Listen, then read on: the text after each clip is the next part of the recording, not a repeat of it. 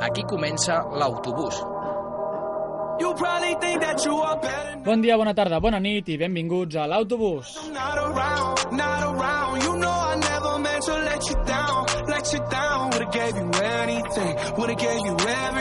You know Esteu escoltant Ubic Ràdio en el primer programa de la segona temporada. Aquí comença la millor mitja hora de la vostra vida. Informació en vena, per tant, no desconnecteu, que us perdreu cosetes. Avui, i com cada dimarts a partir d'ara, a l'estudi m'acompanyen l'Òscar Grau, Hola. que ens porta el repàs d'allò més important del món poliesportiu, en Brian Caral, Buenas. amb l'anàlisi dels equips més en forma de la Lliga, Adrià Oliveres, Buenas, Jan. amb els equips de la zona de descens, Fernando Vallespín, Muy buenas. que dona veu a la segona divisió, i l'Aniol Puigverd, Un plaer. amb el seu esperadíssim quiz. Jo mateix, Jan Montpín, us portaré la informació del futbol femení. A la tècnica tenim l'Agustí Bernat, així que va, comencem amb la informació poliesportiva, tot teu, Òscar. Això és l'autobús de l'Ubic Ràdio.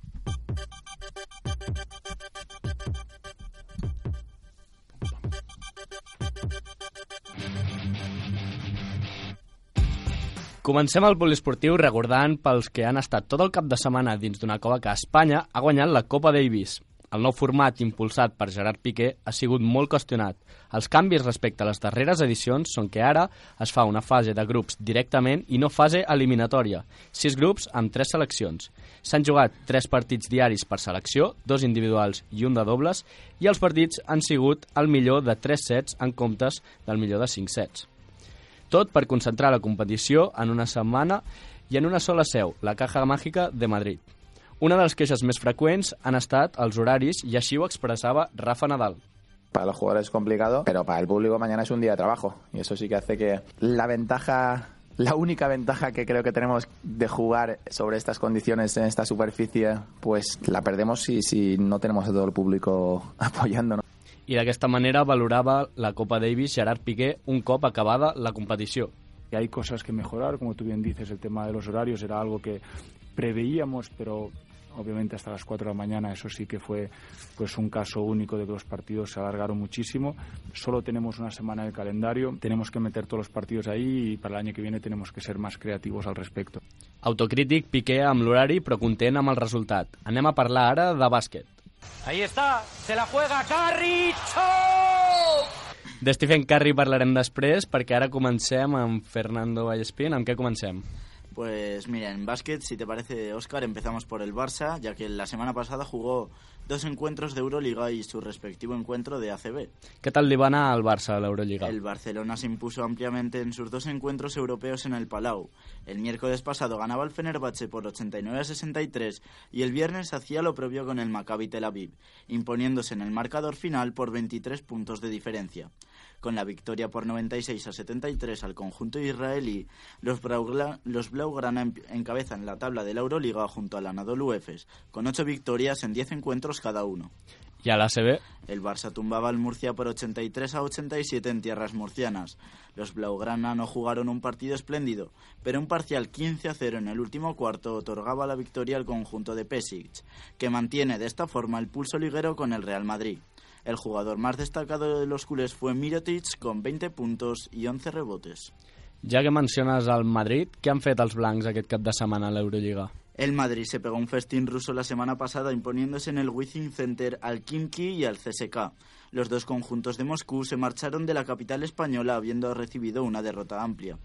Mientras que el Kimki sufría una derrota sonrojante por 104 a 76, el actual campeón, el CSK, también doblaba la rodilla frente a los merengues y el marcador indicaba un 97-81 al final de los 40 minutos. I aquest bon estat de forma el va mantenir a la Lliga? Pues efectivamente, Oscar, el Madrid realizó pleno de victorias esta semana en el Wizzing Center tras imponerse 92 a 76 al Gran Canaria.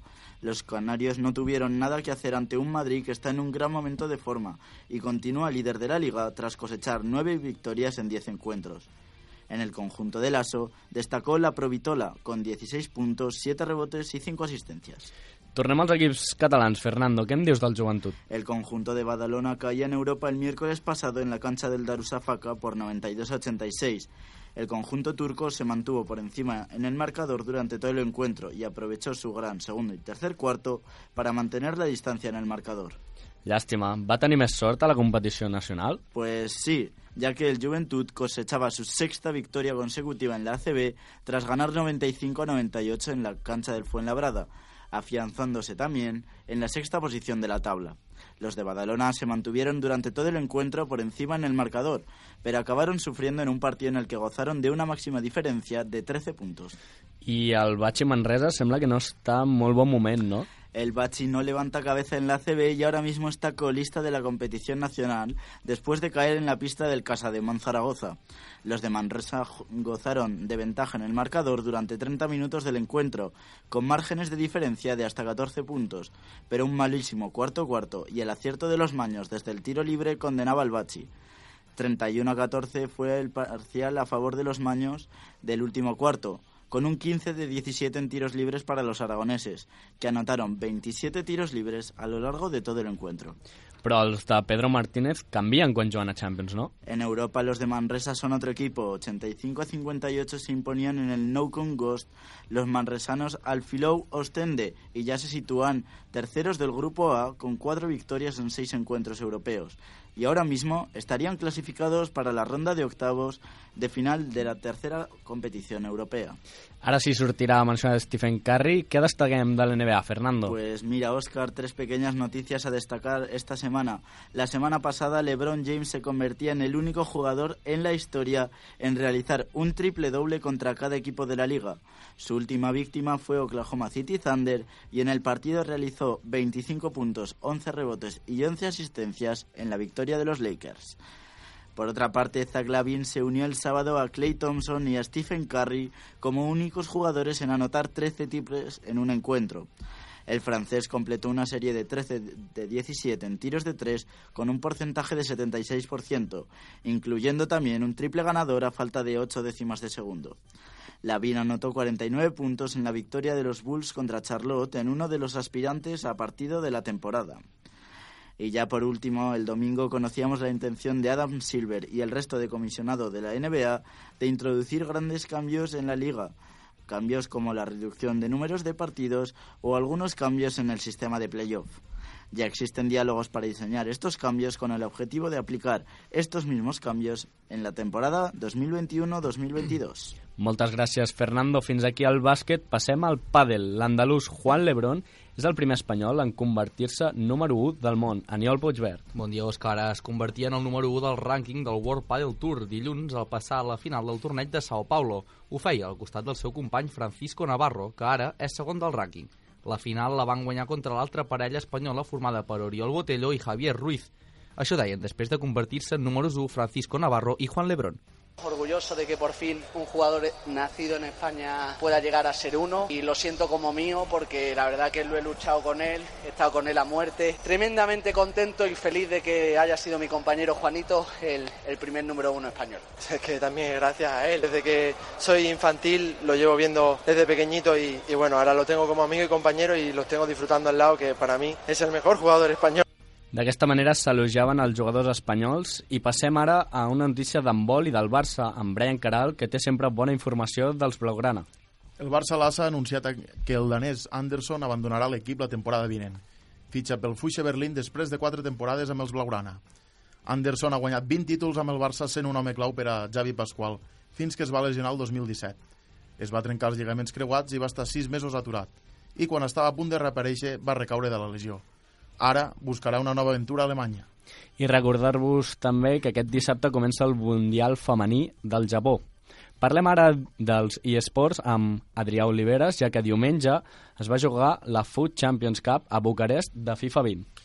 Doncs sí, Òscar, i amb dos representants espanyols com són JR Lion i Gravesen. El primer, Lion, ha estat eliminat a vuitens de final a la pròrroga i Gravesen, el millor jugador d'Espanya, ha caigut a quarts de final a la tanda de penals contra Hashtag Harry. Escoltem ara la narració dels penals de la mà de Craniel i Àlex Martínez. No, ¿eh? no es tan fenómeno. Para mí el fenómeno es el que está bajo palos, Yashin. ¡Sí! ¡Yashin! ¡Es turno de la palmera! ¡Vamos! ¡Vamos, Faro, ilumíname! Rutgulita al medio No. y la taja el cáncer Tiene que parar. Hay que parar, hay que parar. Vamos, Yashin ha sido el santo. Ha sido el santo, vuelve a ser Zidane, pierna derecha. No, se acabó. Tenia que parar l'últim 11 metres i no ho va fer. Torneig fatídic dels espanyols que se'n van de Bucarest amb les mans buides. Fins aquí el poliesportiu.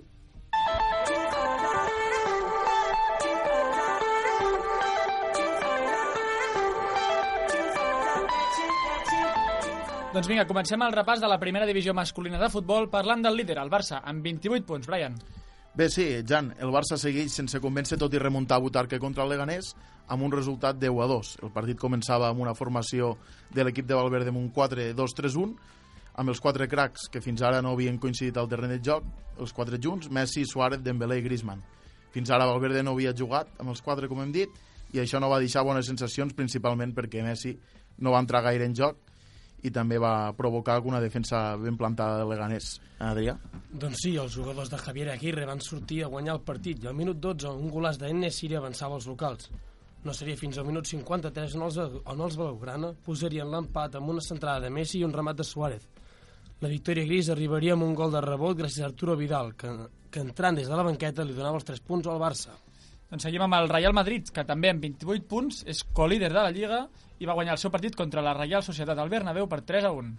Doncs sí, Jan, el Madrid remunta el partit amb un gran, una gran segona part gràcies al partidàs de Modric. El conjunt d'Imanol Alguacil s'avançava al minut 2 amb una empanada de Ramos i Courtois. Els primers 25 minuts el Madrid gairebé no va intervenir en el joc i la Real Societat es mostrava molt valenta amb una pressió asfixiant. El Madrid va empatar a pilota parada al minut 37 amb una centrada de Modric que va rematar Benzema.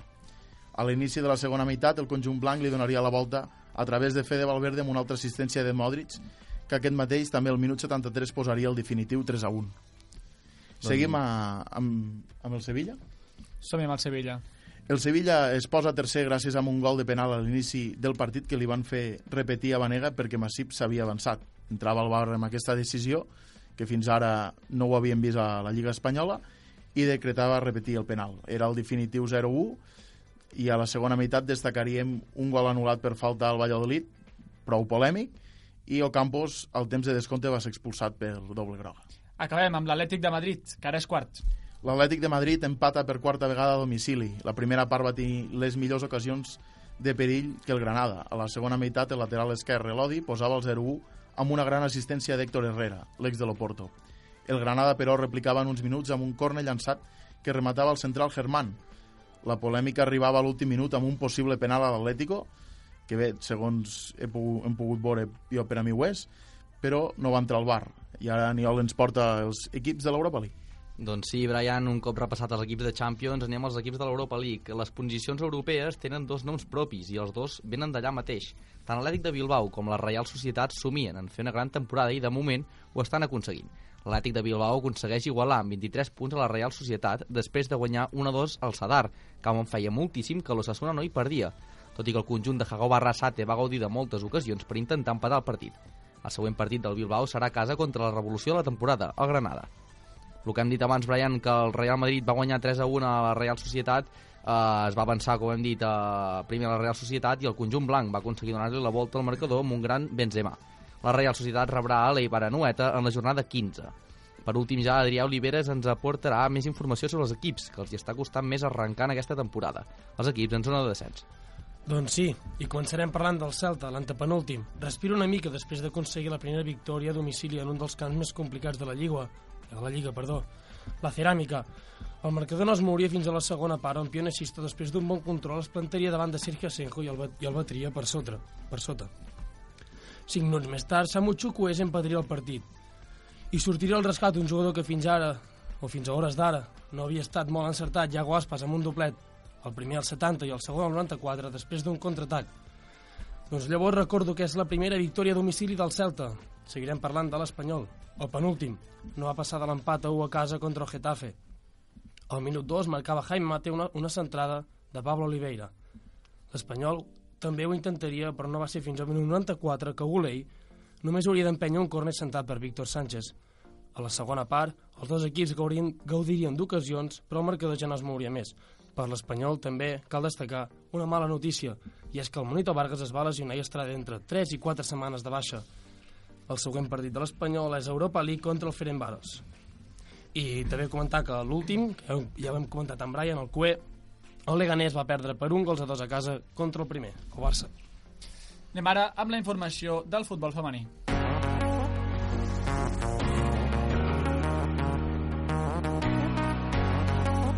Comencem parlant del partit entre l'Atlético i l'Espanyol, jugat aquest dissabte, que va quedar amb victòria per l'equip Matalassé per un clar 3 a 0. Les locals es van avançar ben aviat al marcador. Al minut 7, Ángela Sosa feia el primer, tot i que no va ser fins al minut 71 que Charlín Corral va fer el 2 a 0. El tercer gol, i definitiu, va ser obra de la mateixa Corral al minut 80. Victòria contundent d'un Atlético que segueix segon en la classificació, tot i que per contundent aquest resultat 6 a 1 va guanyar el Barça al Deportiu Abanca. L'estadi Johan Cruyff segueix sent un fortí per les blaugrana, que no van tenir compassió amb l'equip revelació de la Lliga i encara no han concedit ni un sol punt com a locals. Les blaugrana, fortes en atac i també en defensa, es van deixar portar per la inspiració de Caroline Graham Hansen, que va anotar el seu primer hat-trick des de que jugadora culer. Pilota cap a casa de Hansen i l'altra imatge del partit, la tornada als terrenys de joc de la holandesa Lieke Martens i també de la capitana, Vicky Losada, les dues inèdites aquesta temporada. Així valorava el seu retorn la capitana. Muy contenta, tenía muchas ganas de volver, además eh, he podido estrenar Johan Cruyff, como dices. Eh, el equipo ha ganado, así que mejor no se podía empezar, para mí. Tenim primer el Barça amb 25 punts, segon és l'Atlético a només un punt, amb 24, i tercer el Depor, que després de la derrota contra el Barça es queda una mica enrere amb 19 punts, a dues victòries del líder. I una dada per acabar, el Barça porta 39 gols a favor, el segon equip que més en porta en té 20, que és quasi la meitat, i gols encaixats només 4 en 9 partits, un autèntic abús. Avancem ara cap a la segona divisió masculina. Tot teu, Fernando.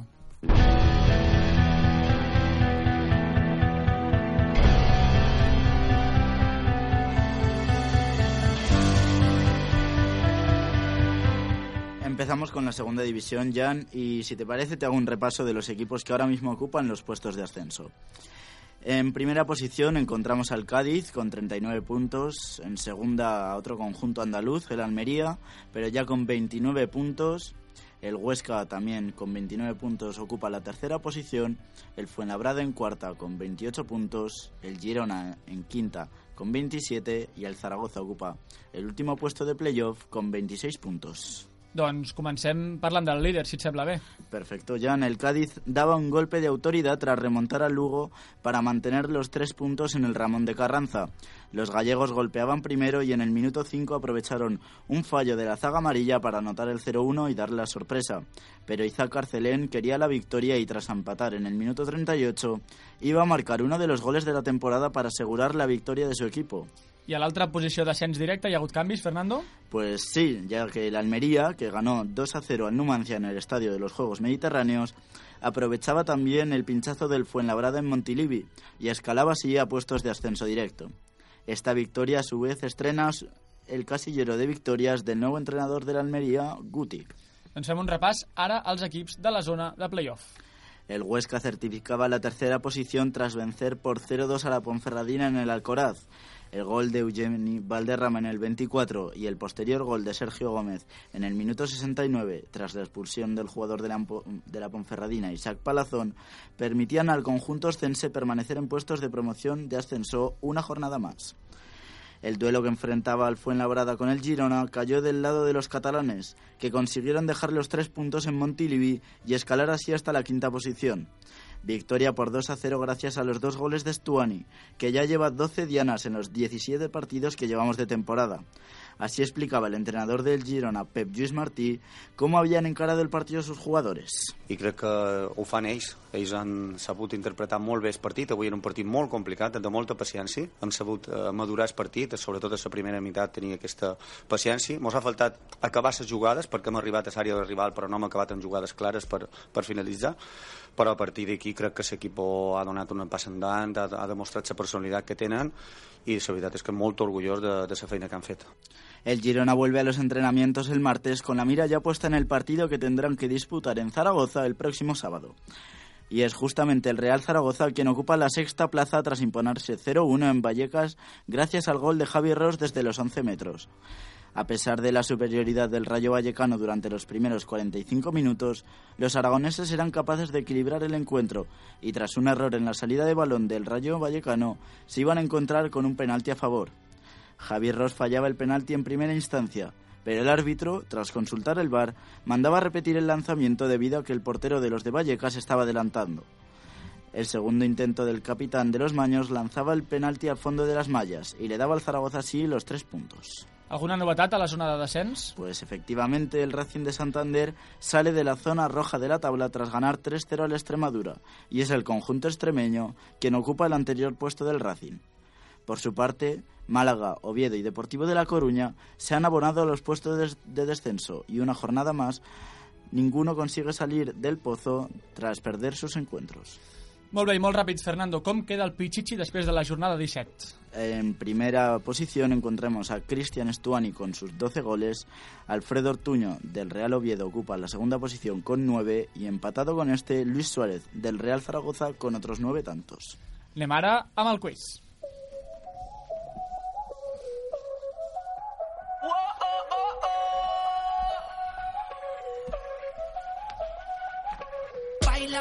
Como si fuera la última vez y enséñame ese pasito que no sé, un besito bien suavecito, bebé. Taqui taqui, taqui taqui rumba. Bon dia, Jan. Vinga, Aniol, tot teu. Uh, acabem de deixar la, la segona màxima divisió espanyola amb els golejadors que ens ha dit Fernando, Cristiano Estoni, màxim golejador, com ha dit. Comencem, doncs, uh, amb la primera pregunta. Bueno, recordem el quiz que feien també la primera temporada. Sí. Una mica com anirà distribuït. Uh, seran una pregunta per cada un. Anirà per temàtiques una mica aquest any. Per tant, avui començarem amb golejadors, menys una pregunta que, que he trobat a Twitter que és bastant curiosa. Per tant, aquesta pregunta li caurà amb algú de vosaltres, de vosaltres cinc.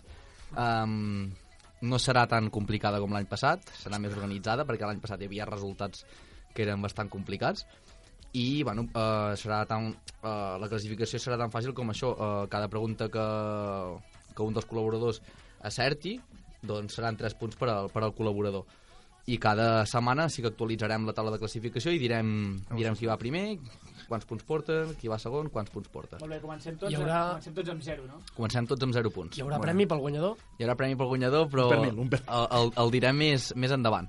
Hi haurà, hi haurà Ah. premi pel guanyador. Molt bé. Pues vinga. La primera pregunta, no sé qui, qui voldria començar. Jo mateix, va. Començarà Brian mateix. Um, molt bé, Brian, doncs per voler començar tocarà la que... La més difícil. La, la més complicada. Com sempre. Um, hi ha un equip, Brian, en les tres màximes categories espanyoles, per tant estem parlant de primera divisió, segona divisió i segona B, que no ha perdut cap partit encara. Et dono quatre opcions i em dius la correcta. Futbol Club Barcelona, No. Atlètic de Madrid, Cádiz o Castelló. Castelló. Brian diu Castelló, doncs és correcte, Brian! És correcte. Fàcil o és fàcil? Era la, la pregunta curiosa aquesta que no té res a veure amb les altres quatre que, Tres punts, no? que plantejarem. Sí, tres punts per Brian, me'ls apunto jo aquí. Molt bé, molt bé. Uh, el següent, Fernando Vallespín, ens, ens dirà com es diu, bueno, qui és bàs- bàsicament el màxim golejador de la fase de grups de la Champions League. Hi ha rebot, si no ho saps. No, No, no hi ha rebot. Tu vols pillar, vols pillar punts, eh? Ah. um, el primer és Raheem Sterling amb 5 gols. El segon és Son Heung-min del Tottenham amb 7 gols. El tercer és Haaland amb 7 gols o Lewandowski amb 6 gols. Um, Lewandowski. Sí. Doncs Fernando Sí, diu no? Lewandowski Sí, amb sí, 7 sí. gols. És- Doncs no, és Haaland, amb Haaland. 7 Oh, gols. l'hagués fallat. És Haaland amb 7. Tonto. Uh. Zero, pu- zero punts per Fernando. 0 punts per Fernando, me'ls apunto. Aquesta és la dinàmica de l'any passat, eh, Fernando? Pique, pique. Ja comencen els piques naturals que, que tenim aquí a, a l'estudi de ràdio, eh? Uh, Adrià Oliveres, anem amb la Lliga Santander una mica facileta, on busquem el màxim golejador espanyol. Per tant, estem parlant del trofeu Zarra. Uh, et dono les quatre opcions i, em- i em dius quina, quina és la correcta. Trofeu Zarra, recordo. Vinga. No hi ha Messis ni, ni Cristianos quan hi era, eh? Uh, Loren Moron amb 8 gols, Lucas Pérez amb 7 gols, Gerard Moreno amb 8 gols o Parejo amb 7 gols. No, o sigui, Fàcil, he de dir que és el màxim i n'hi ha dos amb 8. Repeteixi la pregunta. Has dit els gols. Perdona?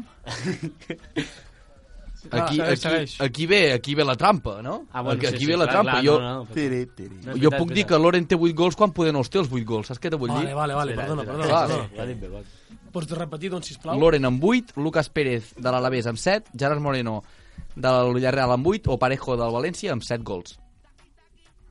Va, ràpid, que no Estic, acabarem. estic per tirar el Loren Moran, va. Loren Moron, doncs ho sento, Gerard diria, però Moreno. t'has equivocat, és Gerard Moreno Oh, amb 8 gols. Loren, Un perico com tu.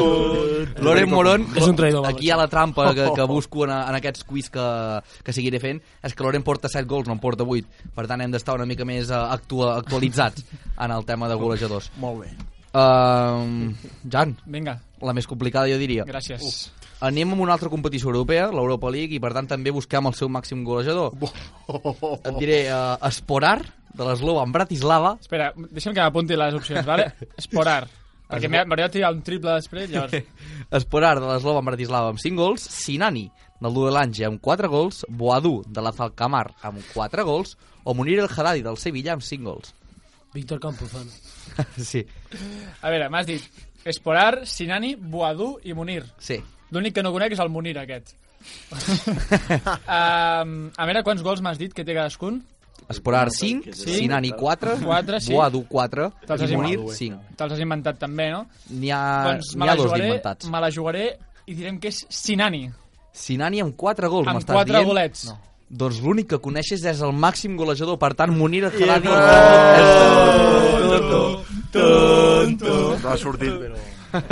Buah, 0 punts, 0 punts al cas. Zero, punts punts, com? Jan. Està sent complicat el quiz, veig, perquè l'únic que té els 3 punts és Brian Caral, eh? Sí, sí. Espera, espera, que falto jo. Ojo, Eh, Ojo, i Fernando. No, Fernando, ja- Fernando l'ha fallat. Ja L'ha fallat. Fernando, l'ha fallat. Anem amb l'última. Busquem ara el màxim golejador de la Premier League. Una és complicada, Òscar, l'hauries de saber, però pot haver-hi trampa i cartó, com diuen, no?